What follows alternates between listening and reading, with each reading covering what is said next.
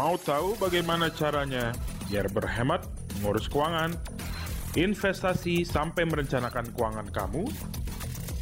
Dengerin aja Financial Talk podcast setiap hari Selasa. Mari kita sambut host kita, Melvin Mumpuni. Halo, jumpa lagi bersama saya Melvin Mumpuni CFP, perencana keuangan dan juga founder dari financialku.com. Menemani kesibukan kamu di hari ini, yuk kita ngobrolin nih topik yang seru banget. Investasi apa sih yang cocok untuk milenial? Nah, sobat finansialku, udah mulai investasi belum nih?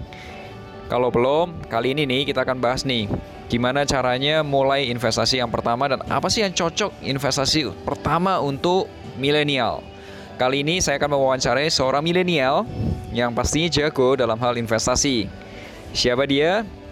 Tunggu setelah yang ini. Sebelum bahas lebih detail, Sobat Finansialku dapat mengirimkan pertanyaan atau curhat keuangan melalui fitur Tanya Perencana Keuangan di aplikasi Finansialku. Tapi jangan lupa kasih hashtagnya, hashtag curhat keuangan. Dan salah satu curhatan kali ini adalah membahas Kak, saya seorang karyawan swasta, yes, baru kerja 2 tahun Gaji saya 11 jutaan rupiah. Kira-kira investasi apa yang cocok untuk saya? Dan Kak request podcastnya bahas romance dan finance dong. Oke, okay, bahasan romance and finance. Next ya. Mungkin kalau misal ada kesempatan saya akan cari topik berhubungan dengan romance and finance. Dan anyway, sobat finansialku pendengar, kalau misal ada request materi atau request topik apa pun, let me know. Instagram saya di @melvin_mumpuni dan kita akan jawab pertanyaannya. Thank you kak yang udah dengerin podcastnya Fintalk. Semoga podcast ini terus bermanfaat ya. Oke, kalau ditanya investasi apa yang cocok untuk milenial, sebenarnya kembali ke tujuan investasi itu sendiri. Jadi gini, menurut sudut pandang saya, investasi itu adalah kendaraan untuk mewujudkan tujuan keuangan seseorang. Ya, kendaraan seperti mobil, motor, pesawat, dan lain sebagainya. Contoh nih, Budi adalah seorang karyawan dengan pengalaman kerja 2 tahun, income 11 juta rupiah. 5 tahun lagi Budi ingin DP apartemen nih yang senilai 800 juta rupiah. Ya, perkiraan DP-nya sekitar 250 sampai 300 juta rupiah. Nah, laku yang Budi lakukan adalah hitung dulu nih, berapa yang harus diinvestasikan setiap bulannya dan berapa target investasi yang harus dikejar. Kalau kamu, sobat finansialku, sama seperti Budi, maka ikuti cara Budi. Pertama, Budi buka dulu nih di Google Play Store, download aplikasi finansialku. Kemudian, dia pilih nih menu perencanaan keuangan. Di dalamnya ada dana untuk membeli rumah. Atau kamu juga bisa pakai juga dana membeli barang. Kemudian masukin tuh data-datanya. Contoh, harga rumahnya berapa, berapa lama lagi mau beli, Mau setahun, dua tahun, tiga tahun, atau bahkan lima tahun. Udah punya uang berapa nih, dan lain sebagainya. Kamu masukin aja. Kemudian pencet tuh tombol hitungnya dan hasilnya adalah Budi harus investasi sebesar 5 jutaan rupiah dengan return 15% per tahun. Nah kemudian baru nih cari produk investasi yang bisa menghasilkan return 15% per tahun atau lebih. Kalau kamu ada kesulitan, kamu bisa tanya juga ke perencana keuangan finansialku di menu tanya perencana keuangan. Kali ini saya akan bahas tiga jenis produk investasi yang cocok untuk milenial dan bisa menghasilkan return yang cukup wow. Oke, okay? so stay tune. Investasi secara garis besar itu dibagi dua jenis nih. Investasi yang menghasilkan kenaikan modal atau disebutnya capital gain dan ada juga yang menghasilkan pemasukan atau disebutnya cash flow. Para fresh graduate dan milenial pada umumnya sebenarnya lebih cocok untuk investasi yang menghasilkan capital gain. Loh, kok gitu, Vin? Ya iya dong, karena modalnya kan masih kecil, alias duitnya juga yang diinvestasiin belum besar kan? Ya, jadi kita butuh kenaikan modal investasi terlebih dahulu. Got my idea? Nah, kali ini ada tiga jenis investasi yang bisa kamu lakukan untuk menambah capital gain ada reksadana, ada saham, dan ada peer-to-peer lending. Kita bahas lebih dalam, satu persatu. Yang pertama, investasi di reksadana. Reksadana adalah investasi yang simple banget loh, cocok untuk orang yang tidak punya latar belakang keuangan, waktunya terbatas dan modalnya juga terbatas. Reksadana secara harfiah didefinisikan sebagai wadah tempat itu untuk ngumpulin dana investor. Nah, kemudian dana itu akan dikelola oleh manajer investasi di efek. Contohnya nih, contoh efek ya. Ada surat utang jangka pendek itu di bawah setahun, ada surat utang jangka panjang di atas setahun dan juga saham. Kalau usah kalau kamu beli reksadana itu tuh semudah belanja online loh. Seriously, belanja online. Karena kamu cukup buka account investasinya dan sekarang bisa semuanya online, full online. Kemudian pilih produknya dan transfer. That's it. Permasalahan utamanya adalah gimana sih milih produk reksadana yang cocok atau yang menguntungkan. Biasanya nih, para penjual reksadana dan investor reksadana itu melakukan dua hal ini. Pertama, dia lihat kinerja atau return masa lalunya. Dan yang kedua, dia lihat siapa manajer investasinya. Dalam hal investasi, khususnya reksadana, saya sendiri menyarankan perhatikan faktor risiko, risk, dan faktor hasil keuntungannya atau returnnya. Dalam teknisnya, saya sebut risk return analysis. Saya sendiri banyak membahas mengenai investasi reksadana dalam webinar. Nah, kamu bisa langsung cek informasi webinar melalui Instagramnya at finansialku underscore com. Oke? Okay? Dan bagaimana investasi yang kedua? Yuk kita bahas. Investasi yang kedua adalah investasi saham. Saham adalah bentuk kepemilikan sebuah perusahaan. Saham adalah bentuk produk yang dapat dipakai dalam banyak hal loh. Ibarat pisau bisa dipakai buat banyak fungsi gitu pisaunya. Jika bicara mengenai investasi saham, maka fokusnya adalah uang kecil tukar menjadi uang yang lebih besar. Yang fokus pertumbuhannya adalah tumbuh di uangnya kamu dan waktu. Oke, uang dan waktu. Saya menyarankan kalau kamu memang mau investasi saham, teknik yang digunakan adalah value investing. Artinya, kamu beli saham yang harganya sedang diskon ibaratnya nih kamu itu mirip kayak emak-emak yang kalau beli barang itu beli pada saat harga diskon dan jual pada saat harga wajarnya. Anyway, saya udah pernah bahas mengenai value investing dengan pakarnya, pakar value investing Indonesia bernama Korifan Kurniawan di podcast Fintalk episode 33. Coba deh habis selesai nonton atau dengerin podcast kali ini, kamu bisa langsung cek tuh Fintalk episode 33. Nah, gini teman-teman. Satu-satunya cara untuk mengetahui apakah harga saham tersebut sedang diskon atau tidak, kamu harus lihat yang namanya laporan keuangan. Yes, financial report. Vin, Vin, Vin, itu repot kan?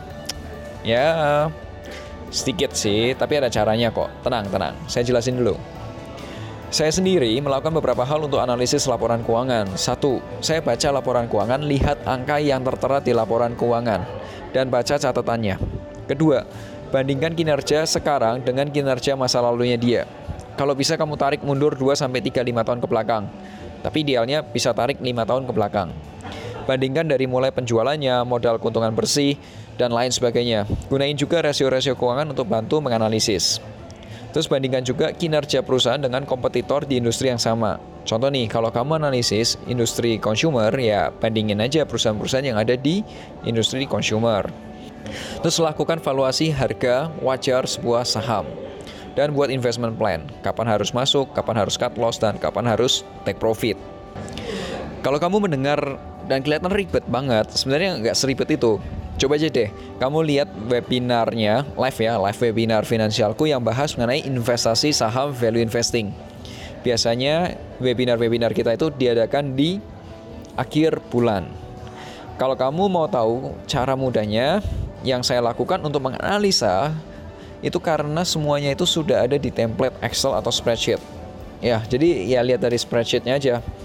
Ya kalau kamu lihat webinarnya boleh deh daftar, cek aja di Instagramnya at finansialku underscore com. Oke, so tadi pertama reksadana, kedua saham, dan yang ketiga apa nih? Yang ketiga adalah peer-to-peer lending. Terakhir adalah investasi peer-to-peer lending, yaitu platform yang menghubungkan antara pemodal, lender, dan peminjam atau borrower. Menurut saya, investasi peer-to-peer lending ini jenis investasi yang high risk dan tipenya cash flow. Loh, loh, loh, Vin. Kok high risk dan cash flow tapi disaranin? Kita bahas dulu. Disebut high risk karena platform peer-to-peer lending itu tidak menggaransi modal Anda kembali. Jadi, kalau terjadi gagal bayar dari yang peminjam, platform tidak akan menggaransi uang kembali. Jadi, seorang investor peer-to-peer lending di atas kertas nih punya dua pilihan. Dapat modal plus keuntungannya full atau uangnya hilang 100%. Us, investasi apa yang begitu aja? Tunggu dulu, tunggu dulu. Wait, wait. Setiap perusahaan peer-to-peer lending itu punya cara untuk manajemen risiko atau risk management atau disebutnya juga adalah mitigasi risiko. Menurut saya, inilah yang harusnya diketahui oleh setiap investor. Bagaimana cara perusahaan peer-to-peer lending melakukan manajemen risiko? Saya mau bahas, ada beberapa. Yang pertama, yang paling jelek adalah risiko 100% di investor. Jadi mitigasi risiko ini yang paling nggak menarik dan paling nggak menguntungkan investor. Menurut saya, tinggalin aja peer-to-peer lending jenis yang ini. Yang kedua, asuransi kredit. Jadi, asuransi akan membayarkan pokok pinjaman, bisa jadi 20% sampai 90% pokok pinjaman. Sayangnya, syarat dan kondisi berlaku. Perlu gagal bayar dulu selama 3 bulan, baru perusahaan asuransi akan melakukan investigasi dan baru bayar. Yang kedua, sistem tanggung renteng. Jadi pinjaman satu orang akan ditanggung oleh beberapa peserta lain. Ada peer-to-peer lending yang mirip dengan Garmin Bank-nya Muhammad Yunus. Jadi perusahaan peer-to-peer lending itu akan memberikan pinjaman kepada sekelompok orang, biasanya ibu-ibu sih, untuk modal usaha. Nah, pinjaman satu orang itu akan ditanggung oleh sekelompok ibu-ibu. Sayangnya, jika terjadi force major seperti bencana alam, ya pinjamannya pasti akan default, ya kan? Mitigasi risiko berikutnya adalah dengan menggunakan jaminan. Jenis peer-to-peer lending yang terbaru itu menggunakan jaminan atau kolateral, sama seperti pinjaman di bank pada umumnya. Jika terjadi gagal bayar, maka jaminan akan dilelang. Cuma hati-hati nih, dengan investasi peer-to-peer lending yang pakai jaminan. Karena ada dua jaminan, ada yang nilainya turun terus, contoh nih ya, kendaraan, BPKB, dan ada juga peer-to-peer lending yang nilainya naik terus atau stabil atau bisa menjaga inflasi, contoh emas. Nah, pada podcast berikutnya bisa jadi saya akan interview orang yang ahli di peer-to-peer lending dengan jaminan emas. Panjang ya penjelasannya ya, semoga dapat bermanfaat. Jika kamu suka, jangan lupa share podcast ini melalui Instagram Stories dan tag akun saya melvin atau com. Dan sekarang kita akan langsung aja wawancara tamu kita, siapakah ini? The Investment Storyteller. So, stay tune. Halo Sobat Finansialku, kembali lagi bersama saya Melvin Mumpuni CFP, perencana keuangan dan juga founder dari financialku.com.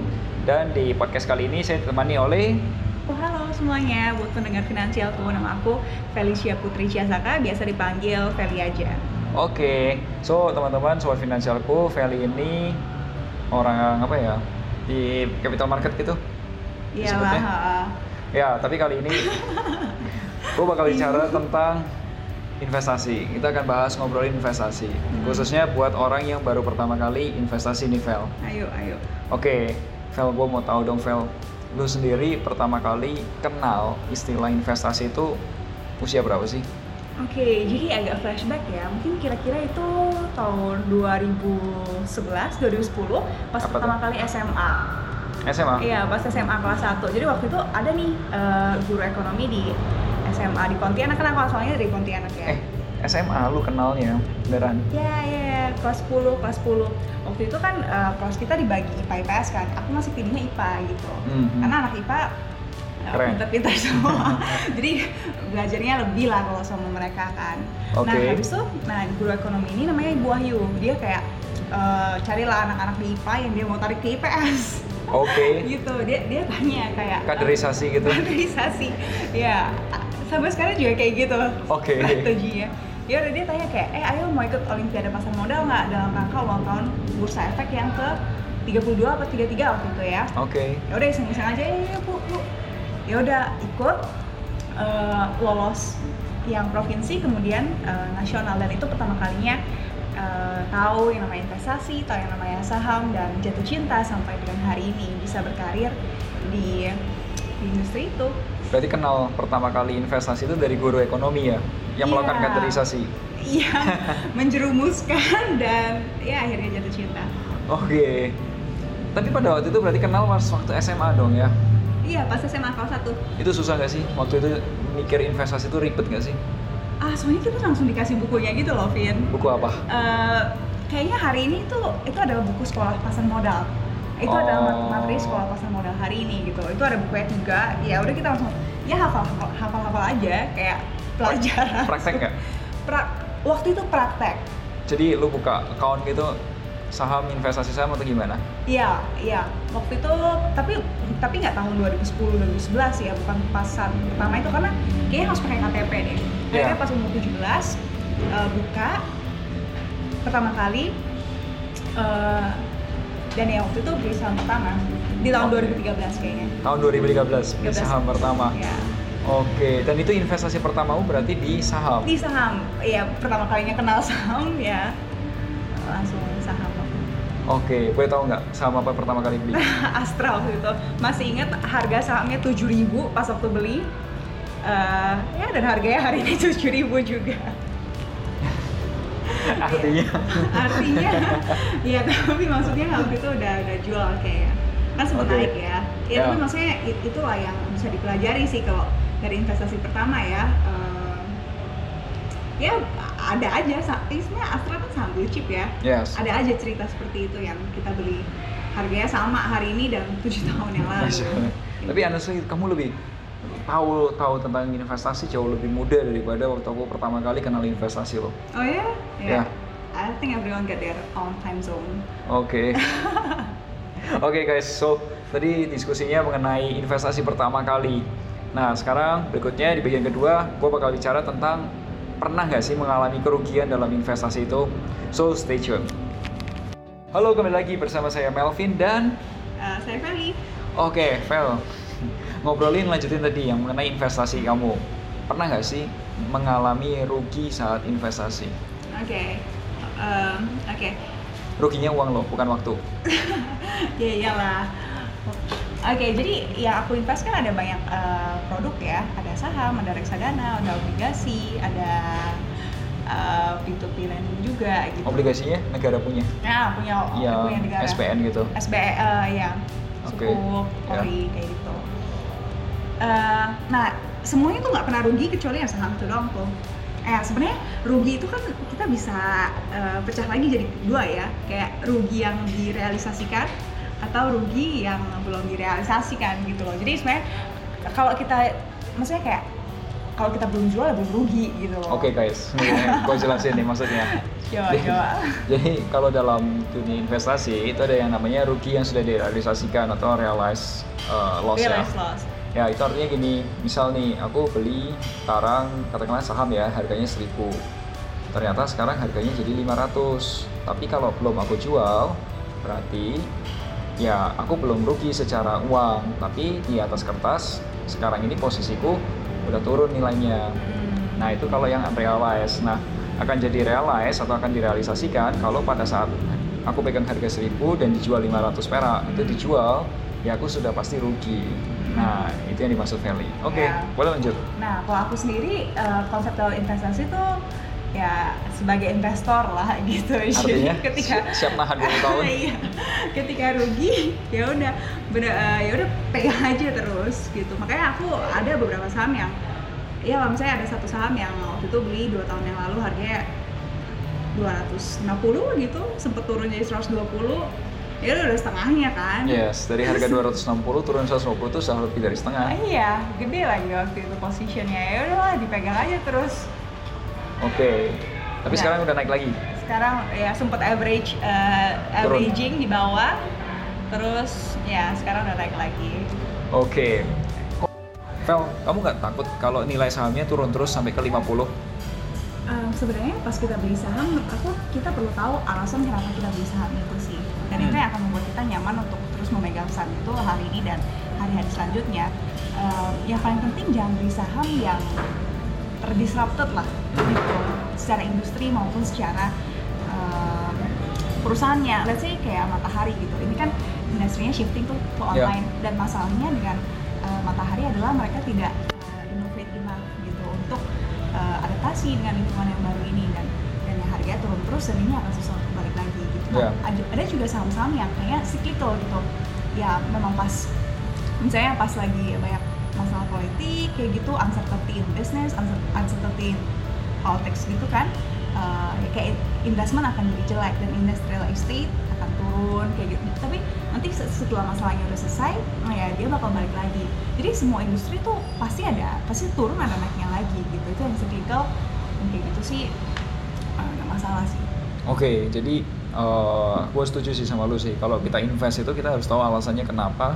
Dan jangan cuma ikutan orang aja mungkin ya. Mm-hmm. karena karena beberapa orang itu yang gue tahu ya Vel pertama kali uh, ngobrolin saham itu tuh zaman itu itu banyak orang di kota gua kota Pekalongan itu banyak orang yang jadi kaya karena saham. Mm-hmm. zaman itu uh, ada bumi ya, ada bumi itu paling terkenal ya. LT BNBR banyak banget gitu semua gitu. Ada Bakri Telekom apa namanya ya?